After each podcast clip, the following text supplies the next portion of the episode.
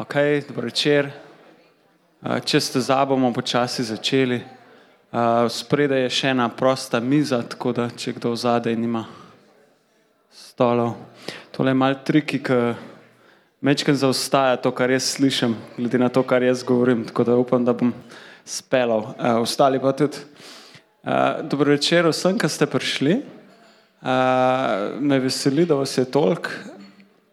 Danes smo tukaj zato, da malo predstavimo knjigo, ki smo jo pred kratkim izdali, in pa da se pogovorimo z predstavniki avtorjev iz knjige in malo problematiziramo današnjo znanost, kje smo zdaj, kam gremo pol, kako nam bo to uspelo. Moje ime je Luka Avsac, sovoditeljica tega dogodka bo Ana Slavec, ki je tudi nekako zaslužna, da ta knjiga sploh obstaja. Malo zakaj smo se to knjigo odločili sploh narediti, pa kako je sploh do podcasta prišlo. Ideja je mogoče najbolj moja. Hotel sem nekako dati glas vsem mladim znanstvenikom. Mene je motilo, da ne morem nikomor povedati, kaj pravzaprav delam v sklopu svojega doktorata, ki je trajal leta in leta in je bilo zanimivo, ampak noben me ni vprašal. No, naredil sem ta podcast in me še zdaj ni noben vprašal, kaj v bistvu sem delal. Tako da vam bom zdaj v, na kratko, v 45 minutah, malo razložil, imam samo 70 slajdov, bo šlo hitro. Uh, pred kratkim sva uh, z Ano govorila z delovim novinarjem uh, Lenartom Kučičem. Povedal nam je za uh, problem novinarske dokumentacije, kot je on to imenoval. Uh, namreč novinar dobi neko nalogo, ne? treba je preveriti neko znanstveno dejstvo ali pa dobiti izjavo od nekega ugledneža z področja. In to nalogo dobi ob devetih, ne? nekje do enajstih je treba oddati zadevo v redakcijo, da pa ujamejo še zelenjavo na placu in potem so oni v tej časovni stiski, kako priti do te izjave in kaj naredijo, pobrskajo po dokumentaciji, kdo se je na podobne teme že javljal v preteklosti in kdo izmed teh ljudi je dejansko odziven. Ne? Jaz sam sem bil znanstvenik, pa smo recimo tudi na fakulteto dobili uh, recimo razne vprašanja, uh, želje po komentarjih in tako naprej, ampak pri nam se nihče ni kar javil, da bo zdaj dal komentarje novinarjem. Ne? In na koncu se zgodi, da vedno eni in isti polznanstveniki, ki jim je to služba, ne se potem javljajo in komentirajo vse od uh, GSM-ja do ptičje gripe, do vsega. Ne? No in on je rekel, da ta knjiga pa to presega. Ne? Ta knjiga je pa zdaj imenik kar enih novih 70 ljudi, ki so dejansko sposobni dati uh, nek neko mnenje, nek komentar, in mi smo te ljudi sposobni najti v, v času od 9 do 11. No, tako da, če nič drugega, upam, da bo to en ta namen. Sicer je bil pa namen mal navdihen. Ne. Danes ne vem, koliko bomo lahko navdihnili teme, tako kot so začrtane, so mal, mal politične, mal mogoče duhamorne. Tako da, če, če sem jaz preveč dolgo časa, bomo kar kaj drugega začeli. Uh, rad bi sam še dve eh, tehnične stvari moram povedati na začetku. Pogovor snemamo, ne? vse, kar rečete, lahko uporabimo proti vam. Tako da uh, to velja tudi za publiko, kar priglašajte se ne? k vprašanjem in diskusiji, je to zelo dobrodošlo. Uh, imamo pa tudi nagradno igro, mende, tamle pri, na prvi mizi je Boban, uh, nagrada je knjiga. Eh, če jo še nimate, vse, kar treba narediti, date noter ime, eh, na, na listek napisan, kakšne listke so vam tudi razdelili, tako da eh, vršite svoje ime v Boban in morda boste izžrebani ravno vi. Okay. To je to. besedo zdaj kar Ani, da predstavi goste, pa, pa gremo v akcijo. Ja.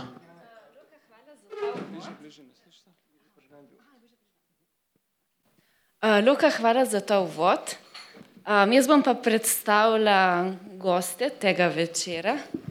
Um, bom začela kar uh, na moji levi, uh, Marko Sodržnik, um, kemik, um, raziskovalec na odseku za, uh, na inštitutu Jožef Stefan, uh, ki je bil podoktorski raziskovalec na japonskem v Cukubi. Sem prav izgovorila? Ja, je Um, naprej imamo Martin Vodopivec, mladi raziskovalec uh, na Morski biološki postaji v Piranu, Nacionalni inštitut za biologijo.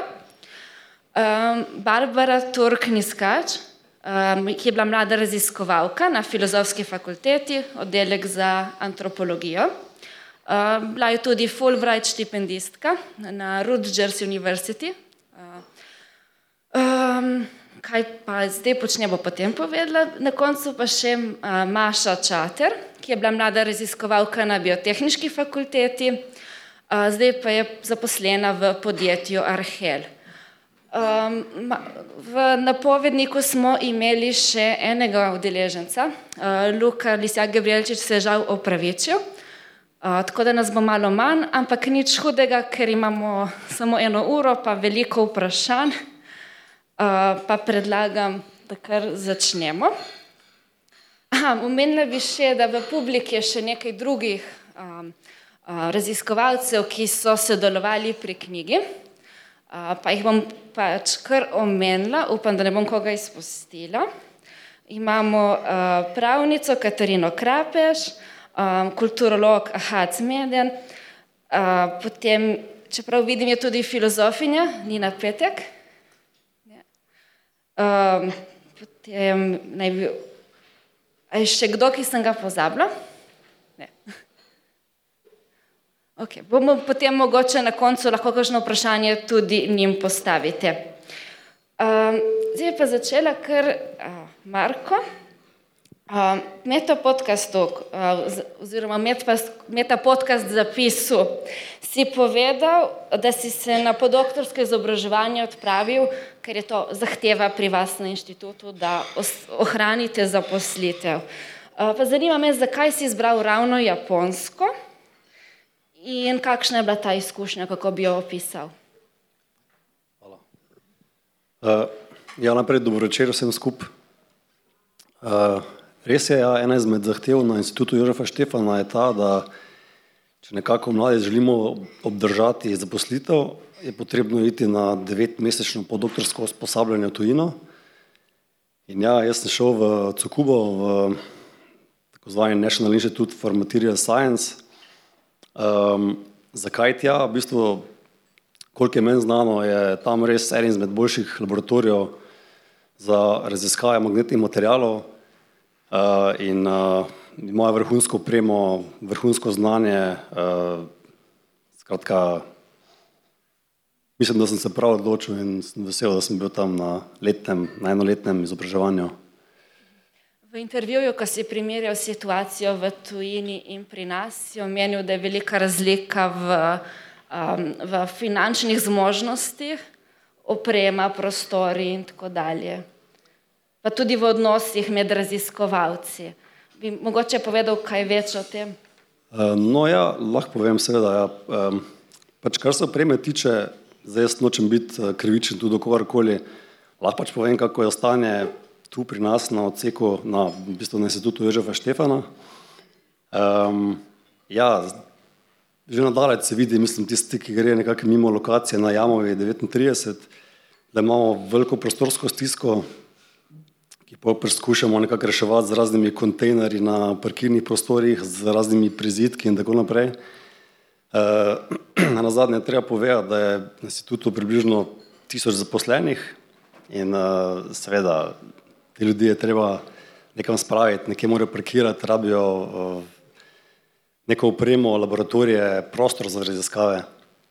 In tega je tam, mislim, da naredim lahko direktno primerjavo z, z NIMSom, v Cukubi bistveno več, ne? ker tudi samo mesto bo narejeno nekako za znanstvene potrebe, ne me več kot 50 znanstvenih institutov, univerza uh, in prostora je res ogromno. No? In, uh, tudi druga stvar je pa potem seveda denar, ne? Uh, ki je pač glavni za izvajanje nekih raziskav oziroma česar koli pač že. Um, in tega zaenkrat tam ne bom rekel na pretek, ampak glede na projekte, ki jih pridobivajo in ki so na razpolago, res bistveno več kot Slovenija. No. Uh, tudi uh, tam, kjer sem bil zaposlen, je približno 50 ljudi, tiste raziskovalne skupine. Um, in uh, frekvenca novih ljudi, ki pridejo in grejo, to se pravi, in do se, doktorskih študentov, podoktorskih študentov, uh, raznih uh, profesorjev, ki pridejo na obisk in tako naprej, je izredno visoka. In, uh, seveda, zaradi tega, ker imajo ogromno projektov tudi z gospodarskimi uh, spravi, s firmami, ne, je tu dovolj denarja za nove zaposlitve, za upremo, za, za, za vse, nekako, kar človek potrebuje.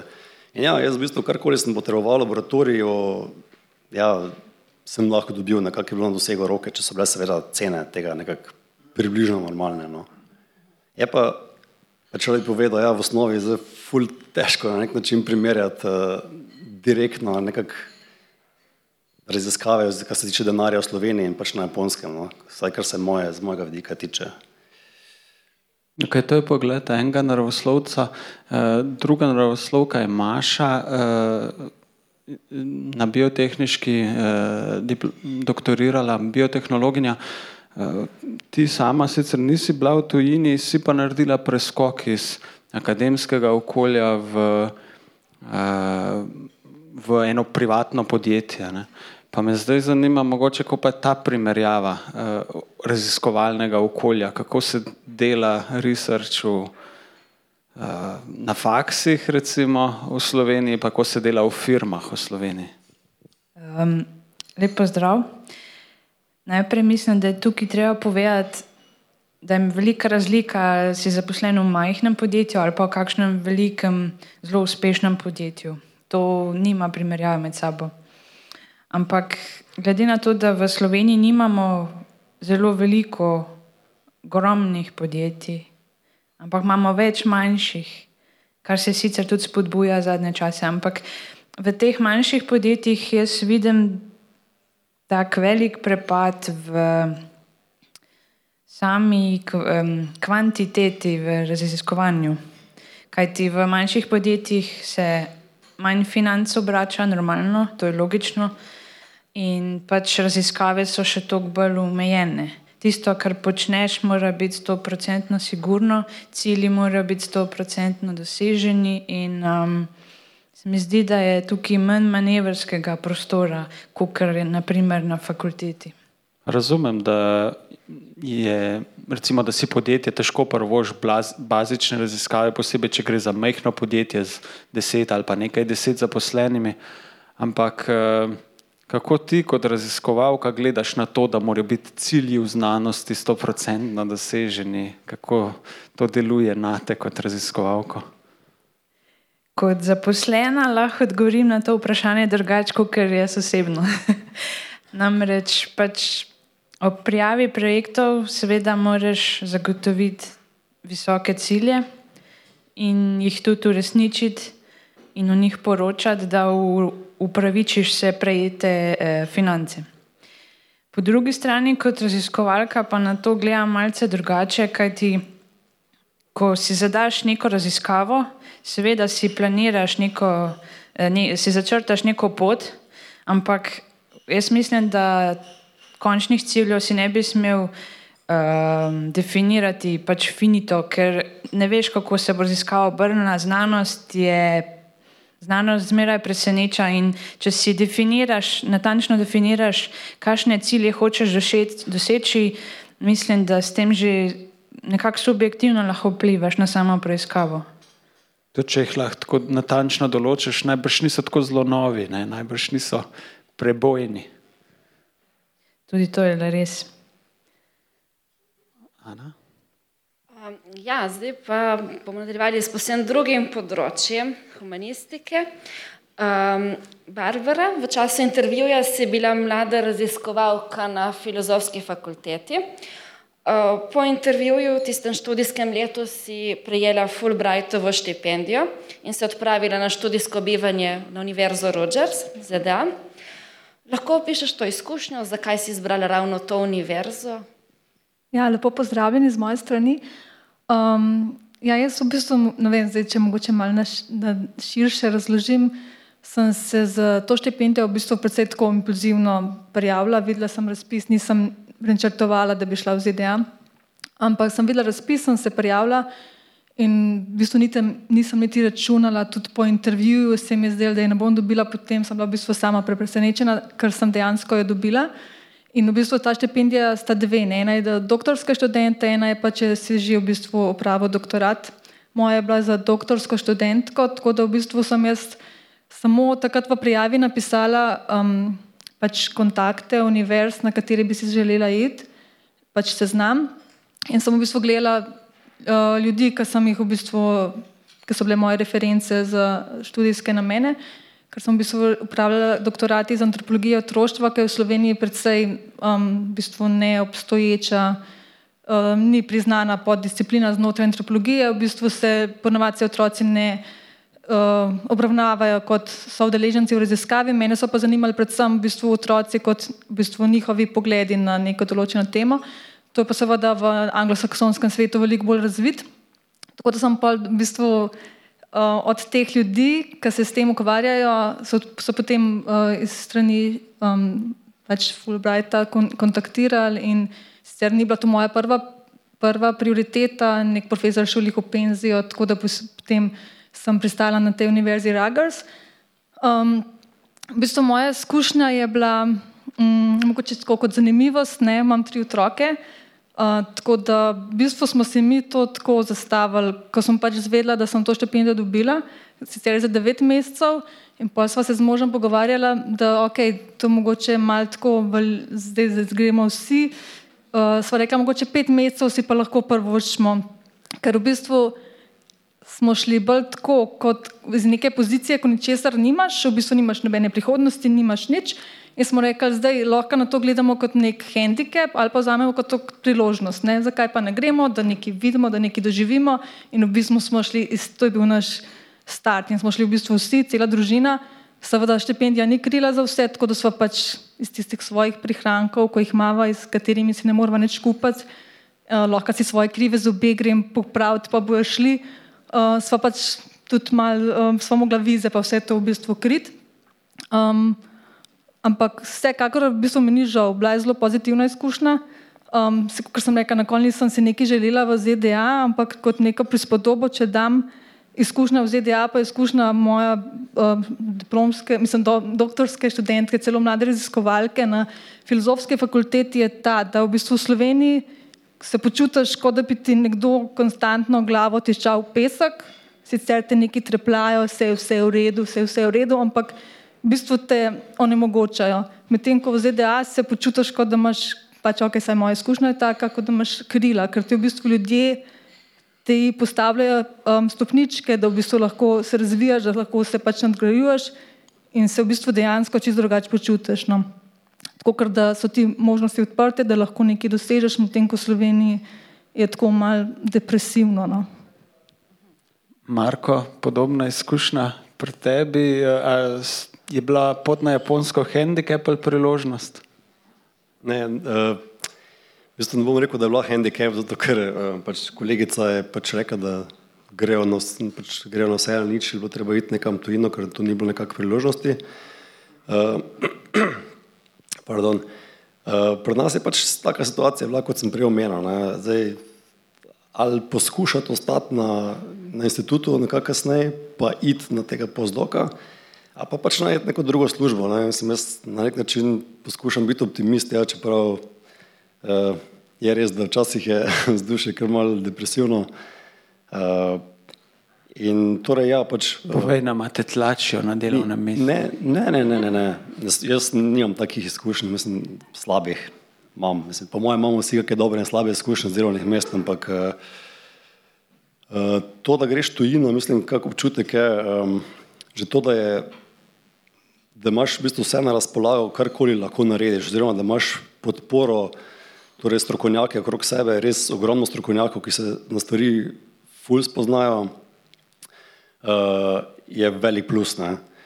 Poleg tega opreme, uh, mislim, karkoli hočeš, je velik plus, ti da nek zagon, nimaš nekih ovir. Ne? Naprimer, če si, ja, če lahko karikiram pri nas in mogoče ko stvar želiš narediti, pa je na koncu priže od tega, hm, pa ta, pa ta mikroskop pa pri nas manjka za take raziskave, a pa ta pa ta oprema, bo treba iti pa na Dunaj, bo treba iti pa ne vem nekam drugam. Ne? Tako da iz tega vidika, ja, pač na mojem pozdoku je v tujini bilo tudi uh, v bistvu ful na, na široko vse, če lahko tako rečem. No. Ne smem pa reči nikakor, da v Sloveniji, da, da, ne vem, da me tlačijo nas dol po pesek, ker snimam, hvala Bogu, takih izkušenj. Um, Ampak si omenil v intervjuju, da so tudi odnosi malo drugačni v tujini. Uh, ja, jaz sem imel, v bistvu, jaz sem imel v tujini nekako brez nekih zadržkov, no, mislim, so me nekako sprejeli, ful pozitivno. Ja, nas nočem zdaj že šimfati uh, meni posameznikov ali karkoli. Pač pri nas pa mogoče res tu bo tam, da občutiš, da morda ni tiste vem, iskrenosti, ni tiste iskrene pomoči, če karkoli rabiš, imaš malo občutek, da se nekako navodila malo prekrivajo na nek način. Se pravim, po mojem imamo vsi neke dobre in slabe izkušnje in pač jaz o slabih na, iz Japonske, vsaj v tem letu, kar sem bil tam, ne morem govoriti. No vsaj na delovnem mestu, kar se karijere tiče. Martin, ti tvoj doktorat še traja. Ne, ne bom te vprašal, kdaj bo narejen. ja. uh, si pa, Upam, da kmalo. Ja, bo ne. Si pa uh, v teku doktorata dva meseca gostoval v, na univerzi v Bergnu. Uh, nam poveš, mogoče, kako je za te bila ta izkušnja? Ti si mogoče tudi iz tega vidika. Ne? Po, po osnovni izobrazbi si ja, te izvoli. Popravim. Uh, bil sem v Bergnu še predtem, sem doktorat upisal, med doktoratom sem bil v Lizboni. Okay. Ne, ne vem, kje od teh dveh te zanima. V Bergnu sem bil Vse me zanima. okay. Evo, kar izvoli. Daj, povej nam mal tvojo izkušnjo uh, iz tujine. Um, ja. Uh, jaz sem to srečo, da se pri svojem delu ne, ne srečujem toliko z materialnimi omejitvami, se pravi, sem srečo, ker se ukvarjam s simulacijami, v bistvu vse, kar potrebujem, je dovolj zmogljiv računalnik, ki je sposoben te simulacije poganjati. Uh, Pri nas so mi to zelo prijazno omogočili agenciji za okolje, v Lizboni so imeli pa svoj klaster na univerzi, kjer sem lahko stvari poganjal. Um, tako da s tem nisem imel težav. Jaz sem šel v tujino bolj zato, ker sem se zelo, želel naučiti nekaj, česar kle nihče ni počel. Um, tako da um, se nisem srečal s temi problemi tukaj. In tudi, če sem na Portugalsko, recimo v primeru Lizbone, ki ni bolj premožna država in tudi, kar se tiče um, stanja, jaz sem bil tam na, na univerzi, ni bilo, nisem opazil, da bi bilo kaj uh, boljše v smislu materialnih sredstev. Um, v Bergnu sem bil pa kratko, tisti je sicer na Norveškem, kar se tega tiče, ampak sem bil samo dva meseca, pa še preden sem začel z doktoratom, sem bil bolj zgubljen mogoče. Um, Je pa fina izkušnja. Jaz mislim, da je to zelo pozitivno. In tudi ino se nekaj novega naučiš, vidiš druge ljudi. Pa za me je bilo v redu zaradi tega, ker ko si v domačem okolju, si predvsej bolj upet v sto nekih drugih stvari in obveznosti, ki te stalno odvračajo od tvojega uh, glavne uh, začrtane poti. Predtem, ker greš z enim namenom v tujino, ponavadi sem imel štipendijo, tja prideš v eno okolje, kjer te pač ne, ne, ne cufajo z vse strani, ampak točno vejo, kaj si prišel tja delati in se potem temu posvetiš za vse tisto obdobje delaš. Jaz sem delal čist sam to uh, v zvezi s svojim doktoratom. Uh, praktično nekaj malega birokratskih stvari sem moral rešiti, ker sem tja prišel, ampak to je bilo dosti hitro urejen. Pol sem pa 8 ur na dan oziroma lahko tudi več po želji počel, kar sem uh, točno to, kar, kar drugače počnem. Zato je bilo v meni to. Nimaš otrok, ne? Imam dva. Aha, in oba sta šla z mano. Aha, se pravi, socialne obveznosti in so družinske obveznosti si peljal sabo, pa vse je ta fokus ostal. Jaz namreč imam podobno izkušnjo. Jaz sem šel za par mesecev, pa je bilo fino, pa ni bilo nobenih drugih obveznosti. Ne. Punca stala doma, mame ni bilo. Ja. Mislim, kar se tiče družinskega življenja, je pač to, da teh ostalih uh, socialnih uh, stikov ni bilo toliko. Pač jaz sem popoldne na mestu s kolegi šel na pivo, sem šel uh, z otrokom v park, pa, pa s punco. Ampak uh, drugače, predvsem je šlo to, da sem v delovnem času se ukvarjal predvsem s svojo doktorsko temo, oziroma skoraj stoprocentno samo s tem. Medtem, kar kle ugotavljam, da ne da bi kdo hotel polena metati pod noge, sploh ne, ampak čisto preprost kup nekih drugih stvari te doleti, v katere si malo upleten, bolj ali ne, kaj te včasih potegnejo, eh, a ne pa pa se veš, pa, pa dva dni nekaj ne delaš, pa moraš spet. Tako, ne, nekako eh, je bilo bolj, ja, bolj fokusirano delo tam. Se strinjam, ja, da je na delovnem mestu izredno težko delati, jaz imam stalno ta problem. Če pa mogoče tudi Marko kaj pove o tem, ker ti si tudi družino imel s sabo. Ja, res je. um, Pač žena je najprej rodila tu v Sloveniji, pa smo se mogli ločiti za tri mesece, sem šel jaz sam na Japonsko, ker pač je otroček bil premali za na letalo ne? in pol čez tri mesece sta prišle punce za mano. Uh, in pač lahko rečem, kar se tega tiče dela in da nam tako je kolega povedal, pač Japonci ful delajo, ne? tudi pregovorno in res je tako, ne, ful časa preživijo v službi, za moje pojme absolutno preveč in družinskega življenja kot takega ne poznajo. Ne?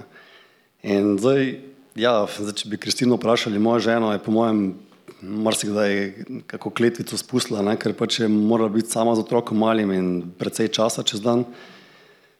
Ja, jaz, ko sem še začel domov, pač smo prevzeli te. Ne, jaz sem prevzel otročka, smo šla malo v park ali kamorkoli pač ven.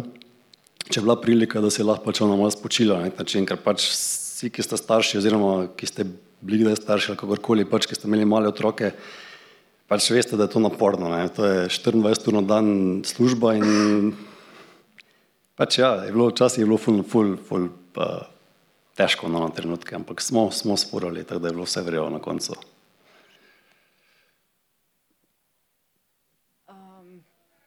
A, ja. Pa če kar Marko, ja, ki si, ki že držiš mikrofon. Uh, čez pet let, to je zdaj tisto vprašanje, kam naprej, a ne? hočemo malo problem, problematizirati prekernost teh zaposlitev mladih znanstvenikov. Um, prej so se z Barbaro recimo pogovarjali, tudi, ja pa se je vam naravoslovcem je pa lažje, ne? Ja, lažje, ne vem, jaz če je bila pogodba podaljšana, nisem bil mladi raziskovalec, če je bila mi pogodba podaljšana za eno leto, sem skoraj izritja ploskal od veselja. Tako da mm, ne vem, koliko je to lažje. Ne. Zdaj, mogoče, uh, Barbara, kar pripravlja se si, ko je naslednja, ko je replika, ne. mogoče Marko, ti začneš. Uh, Kam zdaj ne? Zdaj, zdaj kaj si na, na projektu, boš prijavljal še tlenga pozdoka, boš šel na evropski projekt, boš, kaj se dogaja? Ja, zdaj, ta osoda znanstvenikov je pač malo hecna. Ne? Uh, nažalost, ja, za nekih takih rednih zaposlitev, oziroma da bi kar dobil službo za naučen čas, je, kar se vsaj v znanosti tiče, pač glede po institutih in po mojem tudi na univerzah je podobna slika, je precej težko. Ne? Lahko narediš, mislim, lahko imaš tudi precej dobre rezultate in sodeluješ pri veliko projektih, ampak enostavno, če projektov za prihodnost ni, potem tudi službe nekako ne moreš pričakovati. Ne? V mojem primeru trenutno je situacija taka, da sem, se ukvarjam z svojim podoktorskim projektom, ki sem ga pač dobil z Agencije za raziskave Republike Slovenije. Teda imam to srečo, da imam letos še zaposlitev do konca leta. Uh, potem pa, če jim ponujaš kako boljšo službo, sem odprt. Razmišljaš, razmišljaš tudi o prehodu v gospodarstvo? Ja, tudi razmišljam pač o vsem možnem, seveda. Mislim, nočem se omejiti samo na znanost, pa na to, kar trenutno počnem, ampak ker pač življenje te pač prenese, ne, mislim, te nekoč do, prinese do nekega konca, če prije do tega, če pač ne bo podaljšane pogodbe, seveda se borimo naprej, ne iščemo drugo službo, provamo druge, bori si gospodarstvo, bori si v kakem drugem inštitutu, bori si, ne vem, zopet tujini. Težko rečem, kaj bo čez pet let. Barbara, tujina, gospodarstvo. Ja. Um, ja, tudi v humanistiki v bistvu je tako, da mislim, po končanem doktoratu, razen tega, da se prijaviš na postdoc, drugih možnosti zaposlitve ni, ne? niti v okviru nekih projektov, ki bi bili na univerzi. Um, tako da ne vem, jaz pač sem uh, z junijem lansko leto sem zaključila mlada raziskovalka, um, doktorat sem pa zagovarjala novembra. In v bistvu v tem času sem iskala, uh, sem se prijavila na postdoke v tujini, pa za Marie Curie sem se tudi prijavila, v bistvu vse negativno, ker tudi mislim, da, ne vem, ne sem malo kritična, no, mislim, da v bistvu z doktoratom z humanistike smo iz Univerze v Ljubljani smo predvsej nekonkurenčni v evropskem, v evropskem prostoru, no, bi rekla. Ker danes v bistvu se že malo čudem, če imaš diplomo, magisterij, doktorat, vse na eni univerzi. Ko gledaš ti CV-je, tako no. Se mi zdi, da veliko štejejo te mednarodne izkušnje, že v samem času študija. Pa v bistvu je pa res veliko prekarnosti, ko pol gledaš v bistvu ljudi, ki se selijo iz enega postdoka na drugega, vem, iz Italije v Nemčijo, v Anglijo, pa si rečeš, ne, s tremi otroki, ne vem, če, če bi si to želela, ne. Mislim, jaz bi šla z veseljem na en postdok, ampak da bi se pa selila vsake dve leti, pa lih ne, ne. Um, tako da v bistvu sem bila pol ful vesela, no, ker sem pa dubla na mednarodni organizaciji za migracije, trenutno um, v bistvu na nekem projektu, ki je tudi seveda projekt, ne, v bistvu do konca aprila z možnostjo podaljšanja do januarja, ampak mi je fajn, ko imeli to lukno v bistvu zapolnili, ker se bom še enkrat na Mariji Kiri probala prijaviti, pa uh, tudi na postdok v Sloveniji in, in v bistvu je pa ja, prihodnost zelo tako nejasna. Ne. Kaj pa Maša? Um, Zdaj, v bistvu si zaposlena v podjetju, se vidiš naprej tudi v prihodnosti tam, ali imaš kakšne druge želje? Eh, res je, da sem v podjetju, ampak sem prav tako na projektih. Tako da tudi ne vem, kaj bo čez pet let. Iščem nove projekte, pišem nove projekte, mrežim se. Kaj je, pa bo? Je tudi tujina mogoče opcija? Um, Jaz imam en projekt velik še doma, tako da niti ne. Ampak zdaj smo slišali, da to ni ovira vedno. V bistvu moj hobi je tako velik, da ga ne morem niti seliti. Pač imam veliko kmetijo in tega niti ne bi spustila. Tako, in mislim, da se da najti v Sloveniji nekaj kvalitetnega ne rabimo vsi iti ven, mislim. No. Ja. Si pritrjujem, ker sama tudi nekako ostajam v Sloveniji. Um, Martin, zdaj v neki bližnji prihodnosti, te verjetno čaka zaključevanje doktorata, razmišljaš tudi že naprej ali se raje prepuščaš? Uh, Ne, lih v bistvu zdaj um, sem malo začel se zanimati in pogovarjati, kakšne so opcije. Mhm. In uh, jaz imam nisem jaz. Pač pri nas je težava v tem, da je skupina, kjer sem trenutno, je v nekih finančnih težavah, kar pomeni, da ne bodo mogli mi podaljševati pogodbe kar tako. Jaz lastnega financiranja z drugega vira trenutno nimam. Nisem, bil sem prijavljen na nekih projektih, ki pa niso dobili financiranja, tako da za me pok, nis, nimajo pokritja. Tako da, glede na to, da bi se rad še naprej z morjem ukvarjal in da je Morska biološka postaja Nacionalnega inštituta za biologijo praktično edina inštitucija, ki se z morjem ukvarja uh, raziskovalno, je kar mi ostaja, če bi hotel se raziskovalno z morjem ukvarjati, bi moral iti ven ali pa iskati kle zaposlitev izven znanosti. Recimo, jaz uh, sreč imam, kot sem rekel, zelo dobre izkušnje v agenciji za okolje, tako da mogoče bi tam imel kakšno opcijo me zaposliti ampak o tem še nismo zelo resnega rekli, je pa to, se pravi, pol, ni, ni to več znanstvena inštitucija. Tako da jih s tem vprašanjem se zdaj ukvarjam, ampak to, to kar smo zdaj govorili, jaz sem tudi ne, dva otroka, pa, pa punco in oziroma, no, lahko rečem tudi žena, se formalno nisem poročena, ampak živa že 15 let. Ja, mislim, pa dva otroka, pa, pa stanovanje. Um, tako da, um, in to je seveda vedno problem, ne, jaz, mislim, meni bi jaz bi že šel tujino, ne sam zdaj, a boš otroka tja prepisal, pa pol tam vrtec izkozanga, pa zdaj ona mora nekje delo tam najdeti, pa nekaj, kar je, pa če ne bi šli posod, ne zdaj, a veš, pa tako. Skratka, ja, to so razmisleki, ki, ki me tarejo zadnje čase, pa jih bom moral rešiti slej, prej, zaradi tega, ker mi konc maja poteče pogodba. Ja. Um, uh, tako, ne, ne, bomo videli, bomo videli kaj, kaj bo z tega. Gledam malo po občinstvu, če že v obupu naročajo naslednjo rundo alkohola. A ima kdo kakšno vprašanje za katerega od gostov? Martin, ti si v bistvu. Aha, sorry, imamo vprašanje. Wow. Ja, živijo Majda Pavlin, inštitut Jožef Štefan. Uh, jaz sem tudi mlada raziskovalka in sem približno v taki situaciji, kot je uh, Martin. Um, pač pogodba se izteka. Uh, in me zanima vprašanje za Mašo. Zakaj, se ono, zakaj ste se odločili, da ne greste na pozdoka, verjetno je to bil vzrok tudi uh, kmetija, um, pa da ste se sploh odločili, da greste uh, ven iz uh, te znanstvene sfere?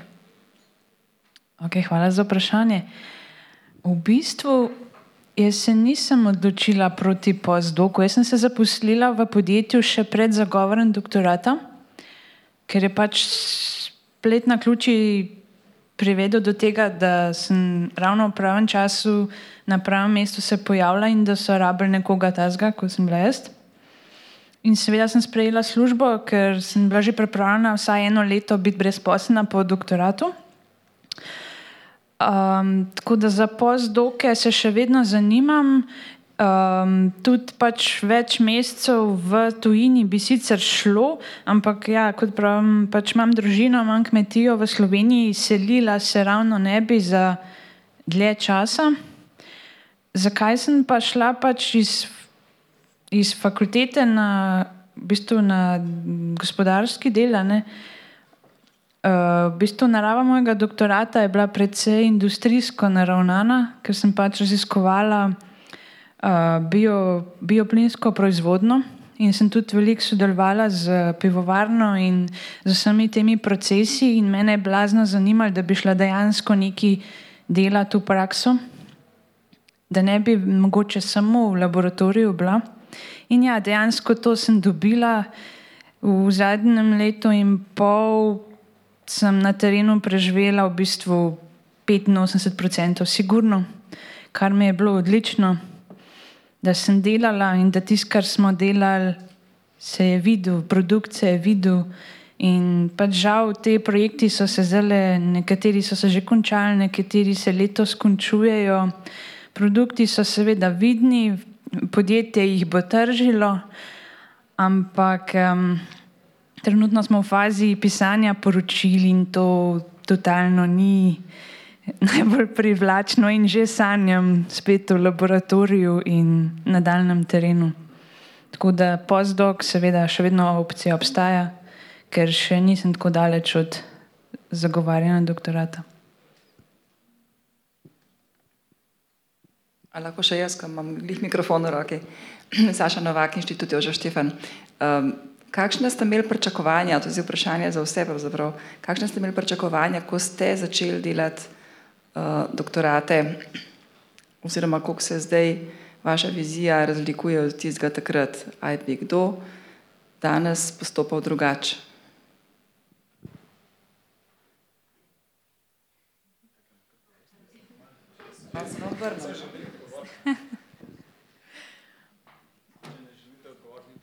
Um, ne, vse ni problem. Um, pričakovanja mislite v zvezi z bodočo zaposlitvijo?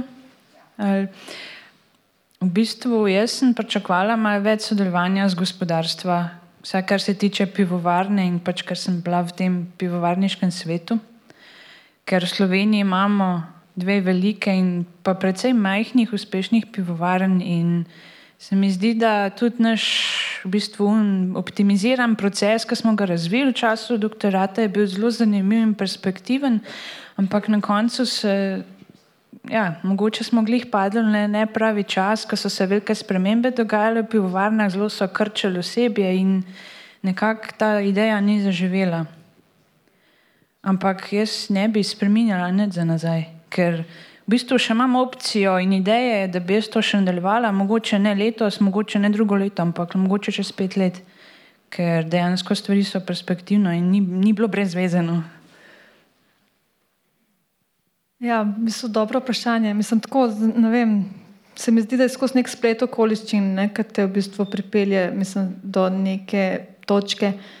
Jaz pa moram reči, da v bistvu imam včasih pomisleke za nazaj, zato ker um, v bistvu sem se zaposlila 2008, um, v bistvu 2007 tam nekje sem diplomirala in v bistvu sem takrat, moj fant sedanji je v bistvu pa takrat živel na Danskem in jaz sem takrat rekla, ne, ne, ne, ni šans, da grem jaz v Kopenhagen, ne, Slovenija je super, ne. in pol on prišel v bistvu nazaj, mislim, v Slovenijo, se ji tak ni slovenc, ampak ok. Um, in um, se pa včasih vprašam, ja, mogoče pa v bistvu bi bilo takrat bolj, da bi šla jaz v Kopenhagen, pa da bi tam pač delala doktorat, ker mislim, no, da v moji, vsaj v moji poziciji, da bi imela več možnosti, uh, delo, da delam na tem področju, ki me zanima in v bistvu tako. No.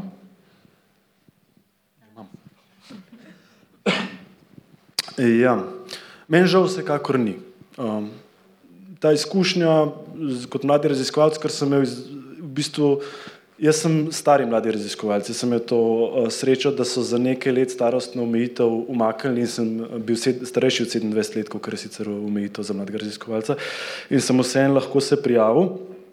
Uh, in uh, je bilo fajn, mislim, celo to obdobje uh, in tudi šlo je dosti po planu, tako kot so se jaz in mentor, mentorca zamislila, da bi to pelala, je šlo in uh, tako da sem zelo zadovoljen. Uh, za obdobje po doktoratu pa v resnici takrat nisem imel prav velikih pričakovanj, tako da bi težko rekel, da je kakšno hudo razočaranje z tega vidika. Mogoče zdaj proti koncu sem malo upal, da vsaj za par mesecev bi mi še lahko podaljšali to, da bi mi olajšali, recimo, ker ne vem, če bom uspel doktorirati, preden se mi izteče pogodba, pa pol prijave za kakšne postdoke, pa take stvari, da bi lažje premustil. Mogoče, da sem to potihem mal pričakoval, pa žal ni šlo skozi, ampak uh, težko bi rekel, da je to zelo hudo razočaranje ali pa kakšne zamere ali kaj takega. Tako da, um, ne, mislim, da kar v redu. Martina, lahko samo eno umestno vprašanje na, na to temo. Ti si fizik, zdaj delaš v, na morju, meduze modeliraš.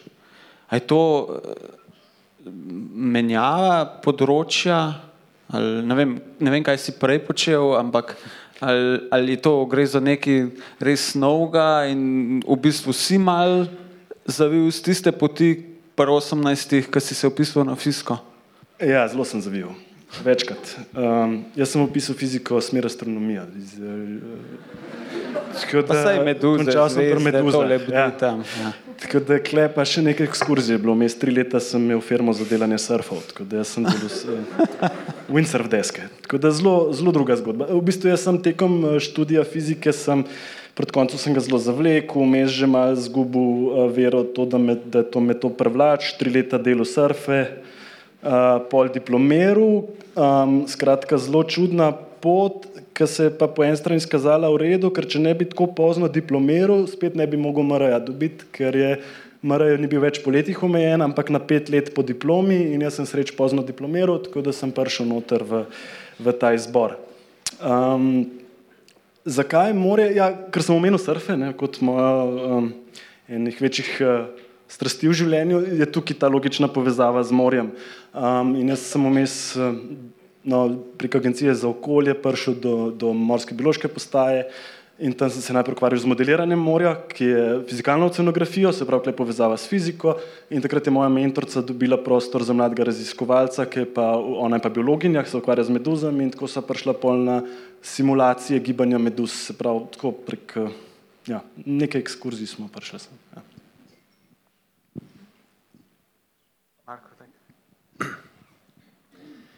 Ja, um, se, po mojem, to človek vedno počne, no, neki en korak sprejme v življenju, se odloči že njega in pol za nazaj analiziraš. Ne.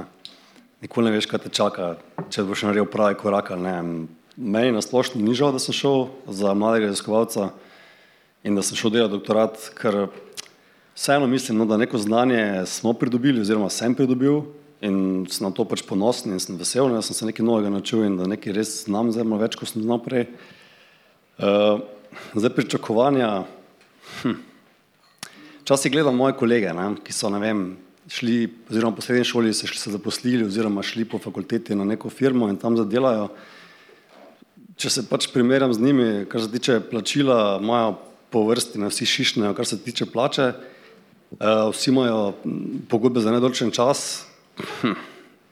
Te stvari te malo iztira vržejo tu pa tam, ne. Sploh pol, ko greš, ne vem, avtomehaniko, pa rečeš, aha, ena ura avtomehanična delavnica, 25 evrov minimum, ne, mislim, če se po mojem do Maribora pelate, če grem pa na uraden servis tele, ne, ne bom sicer za nobenih firm tule izpostavljal, je pa lahko ura tudi 70 evrov, ne. Zadnjič sem pa vprašal našo tajnico, sem se, mogel, sem se v bistvu prijavljal na en projekt in sem mogel v bistvu napisati, koliko približno je bruto cena, ki jo mi zaslužimo. Ne? In tudi ona najprej to ni vedela, ker imamo, tam na inštitutu ne več postavk, koliko kdo zasluži. Pa rekla, ja, tule pa en tarif je, imaš 10 evrov, pa neki bruto na uro, po drugi tarifi je pa 17, pa neki, lahko se odločiš, karkoli napišeš. Ne? Teda, zdaj z tega vidika zaslužka, pa tega, kar sem zdaj razlagal, včasih človek razmišlja, ja, naredi prav, ne naredi prav. Ne. Vseeno na koncu koncev pa že nare tisti, ki ga za življenje nujno potrebujemo, pač ne, na lotu nisem zadev, trikrat tri teh zadev ne igram, pretirano bogatih staršev nimam, a, teda ja, pač kljub pač zaslužku mi ni žal, da sem se upisal na študij doktorata, no, tako bo ja.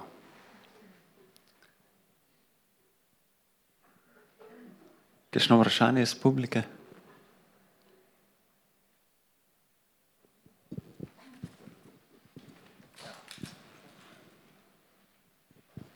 Eno oziroma dve, Maja, Val 202. Sem, v bistvu, ko sem tole knjigo prebirala, jaz sem jo že prebrala, zelo fino branje, priporočam vsem.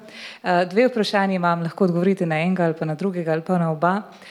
Najprej, kaj vam pomeni taka predstavitev, to vrstni pogovori, to, da vas gostijo recimo avtori, ne, da vas Luka Pana gostita, kaj se je spremenilo za vas, ste dobili kakšen odziv, kaj pomeni, da ste na enem mestu zbrani, imate večjo moč in tako naprej.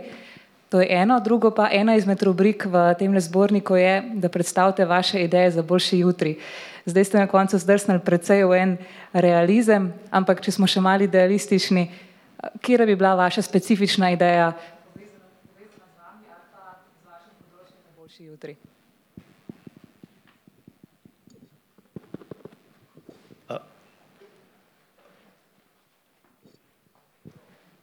Če, če lahko odgovorim, pa bom kar na, na, na prvo vprašanje.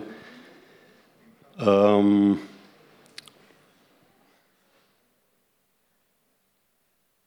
najprej, pač, ker sem bil sem v bistvu na postdoku uh, v tujini ne, in potem dobim mail, mislim, da Ana od tebe.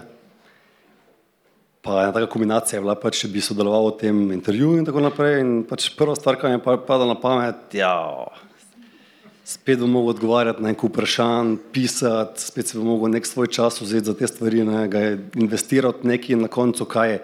Nekaj bo v eni knjigi napisano, jaz bom, ne bom nič od tega, ne. Mislim, spet bo, bom kratko potegnil.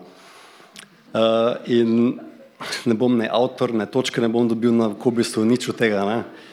Um, dobro, dobra stvar je bila vsaj ta, da me kolega pol, ne vem, iz faksa mi piše mail in reče, Marko, sem bral na metini podcast, vidim, da si na japonskem. Rekel, oh, hvala Bogu, no, sem pa saj znan, če že nimam denarja, pa če nimam točk na kobisu. Tako da ja, um, vseeno pač bi se zahvalil ja, tem, na, na tem načinu uh, Ani pa Lukicu, ne, da, za izvajanje te, te knjige, za, uh, za pristopok tega, mislim, ker to je, konc koncev je to po mojem izjemno velik projekt, kljub temu, da je veliko besed in stavkov, ki jih notri vidite, pač, ne vem, last ali avtorstvo nekoga drugega, morda ne urednikov ali kakorkoli, vseeno eh, čestitke, no, so se lotili nekaj tajega, nekaj naredili na prepoznanosti, na znanosti, da ljudje dobijo on občutek, konc koncev, kaj sploh to je, kaj delamo. Mislim, to se mi zdi vseeno pozitivna stvar, no, tako da super. Eh, na drugo vprašanje pa bi se reše izognil. No.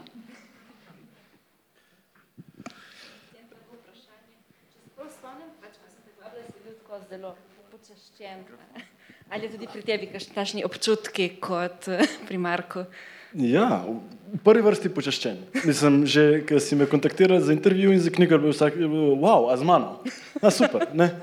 Um, definitivno, seveda, seveda je čas, če se nekdo zanima za te. Um, drugo pa to, da, da se mi zdi super, ker to, kar počnem, se mi zdi res fajn in zanimivo. Res men, mene zelo zanima. Ne. Eh, to je tisto, kar se eh, čist mi grede, eh, kar ti kolega prej govoril, ja, kolegi imajo službe, pa boljš plačo, pa tako naprej, seveda jaz tudi to opažam. Ampak to, kar počnem, je, prej med tekom pogovora sem razmišljal, da niti en dan, odkar to delam, se mi ni zgodil, da se mi zjutraj ne bi dalo službo ali pa da bi rekel, ah, kaj drugega. Ne, dejansko grem res, res z velikim veseljem delati to, kar delam. Tako da mi seveda pa tudi to z veseljem o tem razlagam nekomu, ne? jasno, jasno, da to zraven pride. Uh, Um, tako da, ja, to so bili moji občutki uh, zraven in ta knjiga, hvala obema, seveda nam je dala malo uh, priložnosti, da nekaj povemo o tem, kar počnemo, kar je super. Ja, je bila pa mogoče malo razlika, ker v tej intervjuju tujini so bili pač pisni obliki, medtem ko v Sloveniji, kar smo imeli intervju, so šla pač tja osebno in verjetno lažje se pogovarjati, kot pač si vzeti čas in nekaj napisati. Kaj pa potem, ko smo povabili za napisati nek poljudno znanstveni prispevek za, za ta zbornik, je bilo kaj drugače, je bilo, mislim, težava napisati nekaj na tak način? Za me? Ja. ja. Ma, ne vem, v bistvu največ časa mi je vzelo, mislim, najbolj me je zmedlo, ko sem se moral odločiti, na, na kjer od treh tem bom pisal. Uh, Polkrat sem se to odločil, uh, je pa v enem trenutku mi je bilo veselje napisati nekaj o tem. Ni, nisem, ni, ni, ni, ni, nisem čist, uh, um, se pravi, predvsem mi je bilo všeč, da, da, da imam priliko to narediti, tako pa da ste me povabili zraven. Jaz sem tudi uh, sem imel babico, ki je rekla, da moraš v življenju knjigo za sabo pustiti, mislim, da ni bilo to življenje za manj. In ni to moja knjiga, je pa prvi korak, mogoče evo, vsaj v neki knjigi noter sem, tako da evo, en del tega svojega življenjskega poslanstva sem očitno že uh, izpolnil. Ne? Tako da to, to je pa prav. Pa imaš še drevo, ne? Še, še drevo, pa, pa smo. Kaj pa Barbara? Ja, jaz moram reči, da se meni zdi tako, ja, iz mojega vidika problematično, ker je znanost vse prevečkrat sama sebi namen. Tako da se mi zdi ta knjiga in sploh ta vaš projekt tudi super lih v tem, da v bistvu širi to, kar znanstveniki delajo med običajne ljudi v družbo. Se mi zdi ta doprinos zelo pomemben, no? da je v bistvu prevečkrat neke znanstvene stvari so preveč zaprte v nekih oskih krogih. Tako da to mi je, se mi zdi vsekakor, vsekakor zelo pohvalno in super. Poleg tega pa tudi to, da v bistvu smo vsi v nekih svojih milih mehurčkih, živimo v nekih paralelnih svetovih in se mi zdi tudi ta knjiga fajn, ker je v bistvu uh, je tudi to medsebojno uh, spoznavanje med različnimi vedami. Tudi, naprimer, prej, ko smo se s kolegico pogovarjali pred tem um, pričetkom, ker se v bistvu sploh ne poznamo, ne? vsi imamo neka mnenja drug o drugem, ki so v bistvu na koncu polno nekih predsotkov. Ne? Tako da se mi zdi tudi ta dialog zelo pomemben. Um, ne vem, to drugo vprašanje, gospe, sem že mal pozabila, kako ste ga formulirali. Ja, ma ne vem, mislim, da jaz ene same ideje ne bi mogla podati, ampak ni lih odgovor na, naš, na vaše vprašanje, ampak se v bistvu navezuje tudi na vprašanje, ki mislim, da je tudi bilo zastavljeno, ki se mi zdi idealno, ne, kako bi moje življenje, če bi ostala znanstvenica, kako bi izgledala, v bistvu se mi zdi šest urni delovnik, ne, v bistvu čist dost namenjen znanosti, popovdne pa v bistvu bi se z veseljem družbeno angažirala, da bi v bistvu to, kar delam, nekako um, v bistvu tudi družbi dala z raznimi predavanji, ker se pač moja tema je taka, ne z raznimi predavanji za starše, za šole, za v bistvu delavnice za otroke, v bistvu to se mi zdi nekaj idealno. Poleg tega pa tudi ta čas, ja, da imaš vse en čas v bistvu za zase, za svojo v bistvu družino in to. No ni njih čist, ampak nekako no, približno. Barbara, eh, danes smo se razne stvari pogovarjali. Prej smo se menili, kakšen privilegij je v bistvu biti na eni fakulteti uh, zaposlen in plačan. Uh, eh, Kaj vemo, so to bajne, bajne plače, a ne posebej za mlade raziskovalce. Uh, potem smo se, recimo, ravno mi, da smo se pogovarjali o tem, kako dostkrat te znanstveni projekti. Uh, sproducirajo nič drugega kot samo projektno poročilo ne, in je potem zelo težko karkoli od tega prevesti v prakso. Jaz sem sicer ljubitelj bazične znanosti, ampak imam zelo eno tako romantično idejo o, o znanosti. Ne, zakaj ne vem, so v antiki eni grki bi pripravljeni gledati druge grke, ki ležijo tam pod olkam, srebajo špricer pa, pa filozofirajo. Ne. Se mi zdi to tako, tako fajn, ne, kako so oni prepoznali to vrednost tistih debat pod olkami ne, in so nekako družbeno to sfinancirali. Ne. Zdaj pa se mi zdi, da je to vse teže in teže prepoznavati. Uh, kako, kako se izviti iz tega res, uh, da, da, da prispevamo še kaj drugega kot projektno povročilo? No? Zelo se mi zdi fajn ta ideja, ki si jo omenila. Dajmo, dajmo delati šest ur znanost, pa pa dajmo popovdne še malo to znanost uh, spravljati med ljudi. Ne. To se mi zdi genialna ideja. Tako da pa mogoče, če bi, če bi še kdo od ostalih imel na to temo, kaj za prepon, bi me zanimalo drugače. Pa Prosim, še, še ti, Maša. Ja, bom nadaljevala in bom tudi pripomnila zraven. Uh, v bistvu, kolegica je omenila milne mehurčke, v katerih smo znanstveniki iz posameznih področji. In v bistvu jaz te mehurčke strajno v bistvu že cel čas pokam. In ko ste me v bistvu kontaktirali glede te knjige, so se meni kar oči odprle, ker v bistvu sem najdla svoje sovrstnike. Ker jaz se tudi v bistvu bojujem proti neki zaprtosti skupin na posameznih področjih, proti nevednosti o stvarih, ki se mi zdijo, da bi jih mogel v bistvu vsak vedeti. In tudi jaz sama v bistvu prostovoljno pišem poljudne članke, da približaš v bistvu zahtevne stvari vsakemu v bistvu. In um, kar se tiče tega šesturnega delovnika, ok, dobra ideja. Um, to, da bi naslednjih par ur na dan delali za ljudi, v bistvu to je bistvo naših raziskav. Ne? ne glede ali je družboslovje, naravoslovje in um, to, ravno ta diseminacija, jaz sem se to zdaj ogromno tega naučila, odkar sem v gospodarstvu, koliko je ta diseminacija po, m, pomembna, kajti na fakulteti je bilo vse bolj v obliki razširjanja svojih um, inovativnih rešitev po člankih in teh rezultatov na konferencah, na kongresih, kar je super, ampak tam so samo znanstveniki zopet. In recimo kot podjetje moramo pa stalno gledati na to, kaj bo javnost v nas mislila, ka, kakšno mnenje bojo imeli o naših produktih. Seveda s tem spremljamo trg in vse te stvari. In v bistvu, ko preideš na gospodarstvo, vidiš, da moraš še dosti drugih področji vladati, da se dotakneš ljudi, da jim približaš nove rezultate in dejansko to ni vključen v nek navaden delovnik.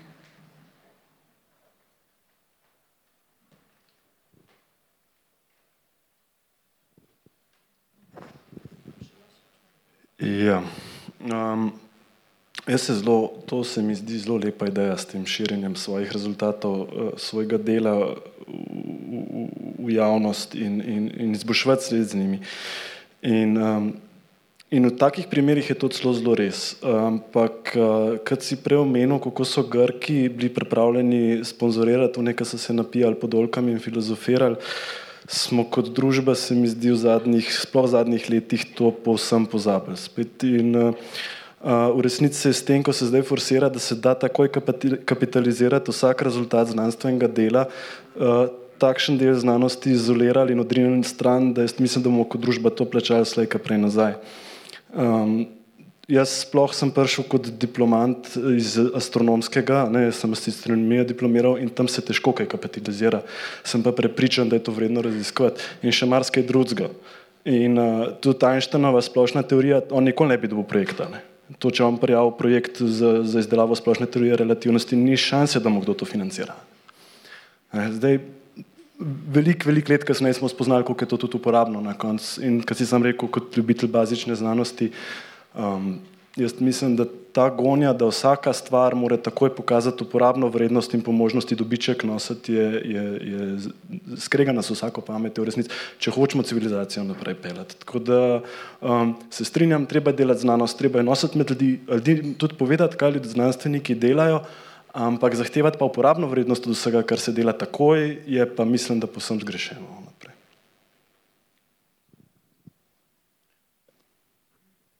Ja, lej, jaz lahko samo rečem čestitam uh, za te besede. Se zelo strinjam z kolegom, ja, da uh, to, da znanost takoj nosi neke kapitalne, mislim, kapitalistične vrednote v naslednjem tednu, je nekako nesmisel nekega, neke širše družbe, oziroma to ne more biti glavni smisel tega. Ravno fulje pa povedano s to teorijo Einsteinove in tako naprej. Uh, tako da vrednote oziroma vrednotne znanja, da trebno malo drugače ceniti, ne samo s tem, da bo takoj jutri od tega nek dobiček oziroma neki feedback, da bo neka firma nekaj od tega imela. Ampak zdaj mi lahko tu govorimo o teh stvarih ure in ure, tedne in tedne. Ne? Dejstvo pa je, da uh, projekti, ki jih piše nekdo, jaz ne vem kdo, oziroma kdo te razpise dela, pač ja, vemo Evropska unija ali pa Slovenija ali res kakorkoli že. Uh, Vržejo te neke okvire in tiste okvire moraš ti izpolniti. Tudi če se jaz neko ali ne, kako bom jaz nekaj naredil, pa koliko bo to vredno, pa koliko bo to mogoče ena firma zraven sodelovala in bo imela še ona dobička od tega, jaz moram tisti izpolniti. Če se hočem prijaviti na projekt, če hočem se prikupiti moje šefice, da mi podaš pogodbo. Zdaj pa, ali spremem ali ne spremem, je pa ful, ful težka dilema. Ne? Mislim, ni. Ni. To ni enostavna debata na tak način, da se razmislim. Jaz se ne vidim enostavno. No? Barbara, prej smo se pogovarjali uh, z Natašo, pa z Jadranko tamle, uh, o tem, kako uh, strategija, uh, nova slovenska strategija, menda ne vključuje nobene omembne znanosti, pa, pa eksperimentalnega dela, pa raziskav, pa tako naprej. Uh, omenja pa ne, socialne inovacije, ne, social entrepreneurship in tako naprej. Uh, ti si tle od, od sodelujočih najbolj poklicana, da, da to komentiraš. Ne. Kje bo zdaj tvoja naslednja socialna firma, kako bomo kako bomo to rešili? Ne? To je strategija, zdaj nekaj moramo narediti. Ja, v bistvu mislim, da tukaj nis, mislim, ne, v bistvu je tako, da um, antropologi imajo, mogoče sploh komunisti imajo itak težave s tem, ne? zato ker v bistvu smo itak na prvi liniji za odpis, ne? ker smo totalno um, pač nepotrebni ne? v tem svetu, uh, tako se pač nas dojema. Ne? Tako da v bistvu ne vem. No. Uh, kar se tiče teh razpisov in tega, um, je tudi tako, da zdaj pač, ko so ti razpisi, ne vem, sodelovanje z gospodarstvom, te zadeve, v bistvu antropologi velikrat uh, v bistvu ne vejo, kaj bi s tem. Ne?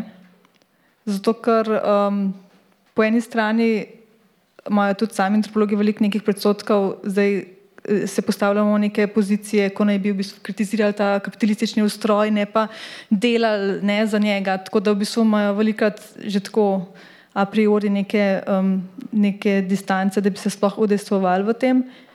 Po drugi strani pa je v bistvu tudi, um, zdaj ne odgovarjam jih najbolj na tvoje vprašanje, no, ampak um, se mi zdi, da je tudi velikrat je v bistvu tudi to, da bolj v nezavi z gospodarstvom, ne, da um,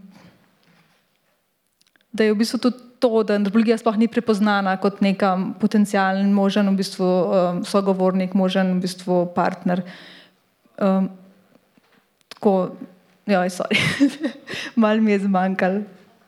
Uh, lahko, Nataša se tam še prijavlja k besedi. Ne, jaz sem tako na hitro, samo se, uh, mislim, recimo, če gledamo tvoje področje antropologije otroštva, kljub temu, da velja za humanistiko, da ni aplikativna, Vsaj na tem področju vidim ogromno enih možnosti. Ne vem, lahko bi ustanovila vem, svojo šolo.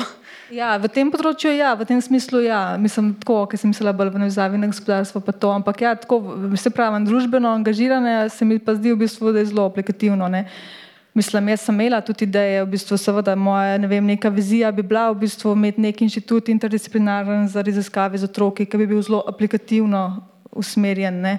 Sam tukaj si potem pri v bistvu, to v Sloveniji mislim, da ni realno. Ne? V bistvu ni denarja za to, ni interesa, v bistvu ni niti nekih. Um, ne moreš v bistvu iz, iz nič, ne, nič začeti, te strukture, ki pa že so te, pa ne bojo spustile zraven, da bi ti s svojimi idejami v bistvu prišel in nekaj novega razvijal, ampak se moraš v bistvu totalno podrediti in delati, v bistvu spostavljati ta, ohranjati ta status quo. No ni tukaj prostora za neke progresivne, za neke spremembe. Tako jaz pač dojemam no, ta prostor. Um, zdaj je mikrofon Nataši.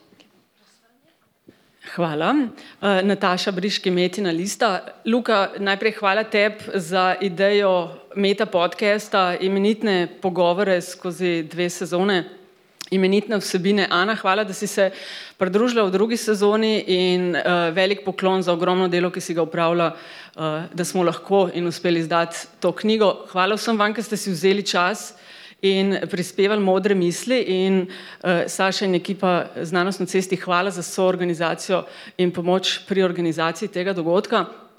Kar se mene tiče, ste vi vizija Slovenije. Ne? In ko smo že pri viziji, bi me zanimala ena stvar in od vseh vas, zdaj moram še enkrat preveriti dokument, ampak menda res ni ene besede znanost noter. Ne?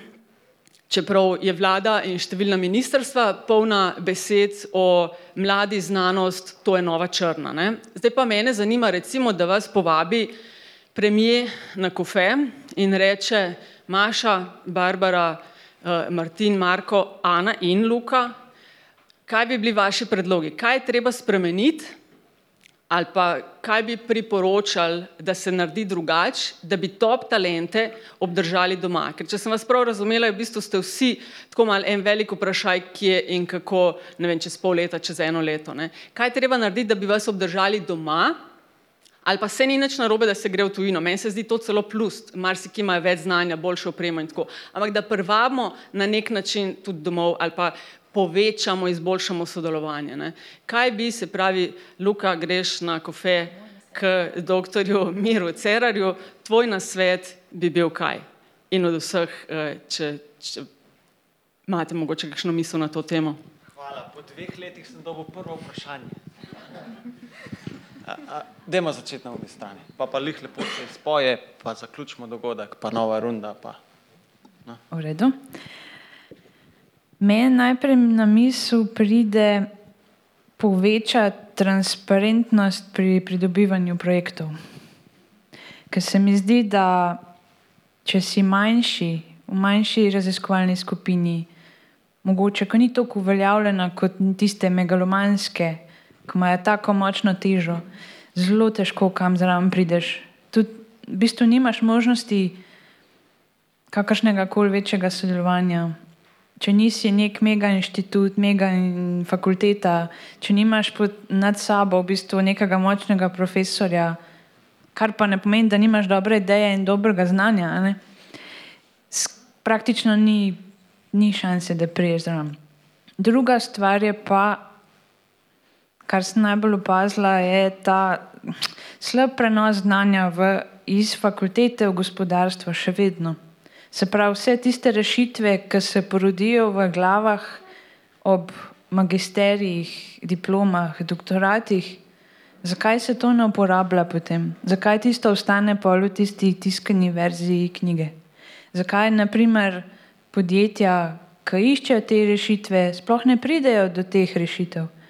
Ali jih ne iščejo, ali iščejo v tujini, ne vem, kje je problem, um, ali niso pripravljene v bistvu sprejemati idej od mladih izobraženih, ker iščejo samo starejši kader, ki naj bi pač bil bolj izkušen, ampak se mi zdi, da če ne bojo začeli uporabljati mladega kadra, bo vse skupaj slejka prej propadlo.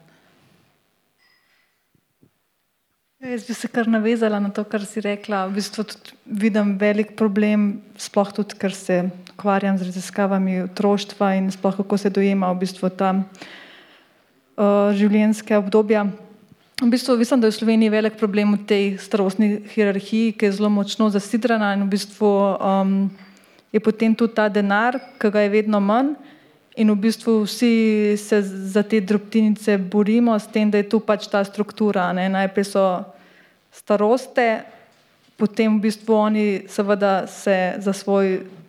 V bistvu se mi zdi, da se več ne gre za neko znanost, pa sploh neki razvijanje, ampak da gre res za ohranjanje njihovega statusa, njihovih privilegijev. Ne? V bistvu je to neka primarna agenda, potem pa tu nekje čist dol na dnu so pač ti mladi, talentirani, sposobni ljudje, ki v bistvu, če jih slučajno rabijo, da se jih vključi v nek projekt, zato ker pač morajo biti, se bojo vključili, drugače pa pač nas ne zanimajo. Ne.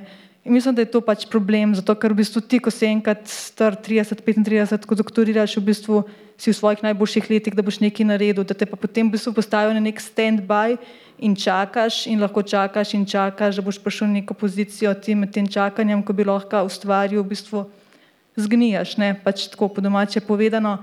In mislim, da je to pač, kar jaz vidim, en velik problem, no, da se v bistvu dejansko ne omogoča mladim, mislim mladim, to pardon, pri 30 nisi več mlad, čeprav po teh Evropska unija standardih ne se to skozi podaljšuje, ampak v bistvu se, nimaš možnosti realizacije, ne, v bistvu ni, ni, da pa ti v bistvu delaš na nekih projektih, ki so od nekoga drugega, da si v bistvu tam, to pač mislim, da to je zelo destruktivno no, za nek um, pač razvoj in za neko, če hočeš biti progresiven, ne, pač brez zamerne.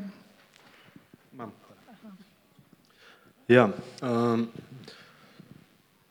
mislim, jaz predstavljam, da je to bolj kompleksno vprašanje, kot smo mi ga sposobni levoročno v petih minutah rešiti. Najbrž ne si, si predstavljam, da je skupnih problemov, ampak očitno je vsaj v prvi vrsti trenutno to povezano s financami. Ne? Za začetek je, če hočete ljudi kle zadržati, jih morate plačati. Če jih ne plačate, bojo šli drugam. To je, to je smisel še posebej zaradi tega, ker jih zgleda, da saj Slovenija producira dosti dobre mlade raziskovalce, da jih v tujini z veseljem uh, zaposlijo pod boljšimi pogoji, kot smo jim tukaj uh, sposobni nuditi.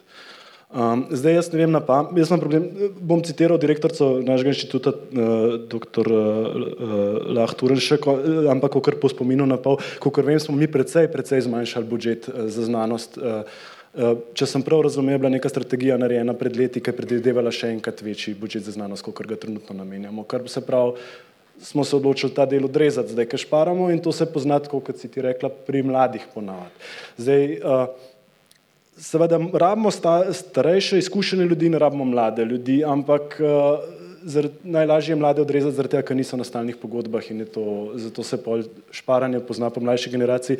In to se bo poznalo čez par let, saj, kot jaz gledam pri nas, je pač to, da se dogaja to, da je vedno večja generacijska luknja, um, v bistvu uh, ne, za, poprečna starost zaposlenih se veča, uh, saj tam, kjer sem jaz in uh, večina mojih kolegov je že odšla. Um, Zdaj, bram, zdaj, da, bi, da bi takoj vedel, eh, ne, eh, cer, eh, doktor Cerer, da na svet, kako bo on to rešil za naslednjih pet let, ne vem, ampak vsekakor je treba premisliti, kako. In ljudi, ne, druga je pa to, kar si rekel, jaz se strinjam, da je znanost skozi, mislim, se zgodi, da v znanosti ljudje mogoče kakšni počas zaspijo in tako naprej, niso več kaj sem primerni temu, kar počnejo in da, bi, in da, se, da je to treba stalno evalvirati in tako naprej. Samo ne moreš pa človeka pustiti stalno v luftu, pa vsake tri leta mu groziti, da bo ostal brez službe, če hočeš, da on se s tem še naprej ukvarja, pa da ima familijo, pa tako naprej. Ljudje slejka prej rabijo eno varnost. In uh, začudajo se, kot kaže, jo začuda lažje najdejo v privatnem sektorju, kot v, v, v, v znanosti in jaz mislim, da je to narobe. Ali pa v tujini. Ne. In pač sposobni ljudje, raziskovalci, pa odhajajo tu in zdaj. Um, pravim, da bi pa takoj vedel povedati, kako naj to rešijo. Pa, pa ja, vizija za jutri, za boljšo Slovenijo.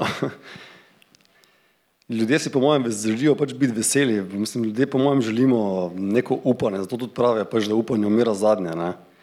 In uh, jaz mislim, da upanje je. No? Mislim, jaz srčno upam, da je in da ostaja. No, glede na to, da pač mladi ljudje hodijo po svetu, smo tukaj. Jaz upam, da sicer pravijo, da mladi svet stoji, ampak ja, če niti ne dobiš priložnosti, je včasih to res težko. Ne? Zdaj narediti Slovenijo veselo ali karkoli, tako bi Nataša Briški rada, oziroma pozitivno, ne vem, vizijo za jutri. Eh.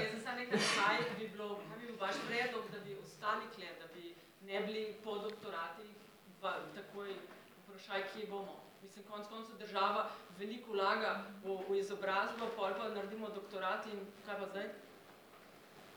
Ok. Um, to je spet drugo vprašanje. Ja, država vlaga, ja, res je v neke kadre, v razvoj. Uh, Sam ljudje se tudi nekje najdejo, pač zdaj ostanejo v znanosti ali ostanejo kjer firme ali grejo tujino, tako kot ste rekli, to je pozitivno. Ne? Pol, če človek hoče gledati nekega dobrega zornega kota, tudi ni vse slabo v Sloveniji. Naprimer, Da, če bi se hoteli ukvarjati z znanostjo v Makedoniji, so razmere še bolj porazne. Ne? Seveda si hočemo na boljši, si gledamo na sever, si gledamo, kaj se dogaja, vem, radi bi skrajšali delovni čas, radi bi bili bolj efektivni, več družino, več prostega časa, več denarja in tako naprej.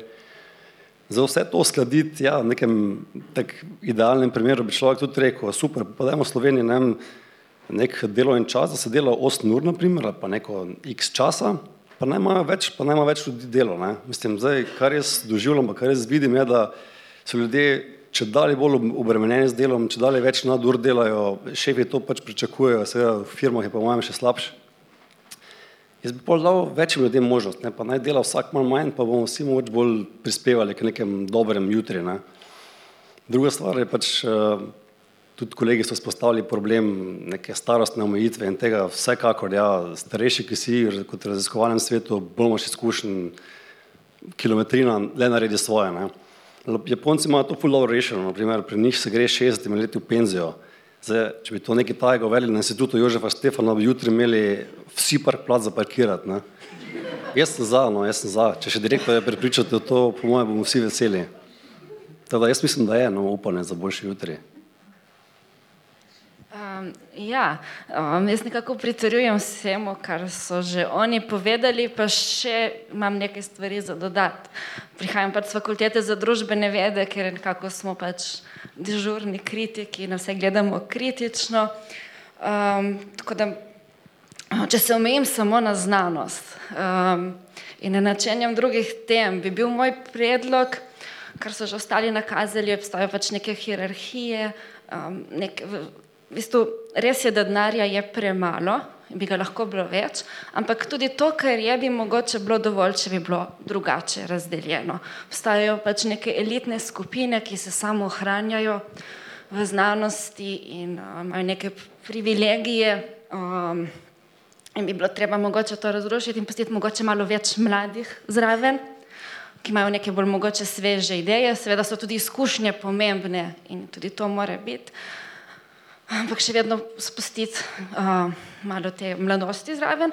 Poleg tega pa nekako internacionalizacija, ne, ne samo to, da, pač, da ni tega vega možganov, da mi odhajamo v tujino, ampak mogoče narediti razmere take, da bodo tudi raziskovalci od druge lahko prihajali v Slovenijo. Recimo, že ena stvar je jezik poučevanja. Omogočiti, mislim, tako, zdaj je bilo veliko te kampanje, um, ohranjanje slovenščine, Zdaj ne vem, mi se tukaj pač danes pogovarjamo v slovenščini in nekako ohranjamo to slovenščino v znanosti in mislim, da če bi bilo več angliščine v znanosti, da s tem ne bi nič manjkalo. Ne? Tukaj so, kolegi so bili v tujini, še vedno govorimo slovensko, napisali smo nek prispevek po ljudno-znanstveni slovenščini, bi pa vseeno želeli imeti možnost pri raziskovanju, pri poučevanju, da bi se spustilo tudi da bi bilo dostopno tudi za znanje iz tujine, da bi lahko imeli več tega mešanja raziskovalcev.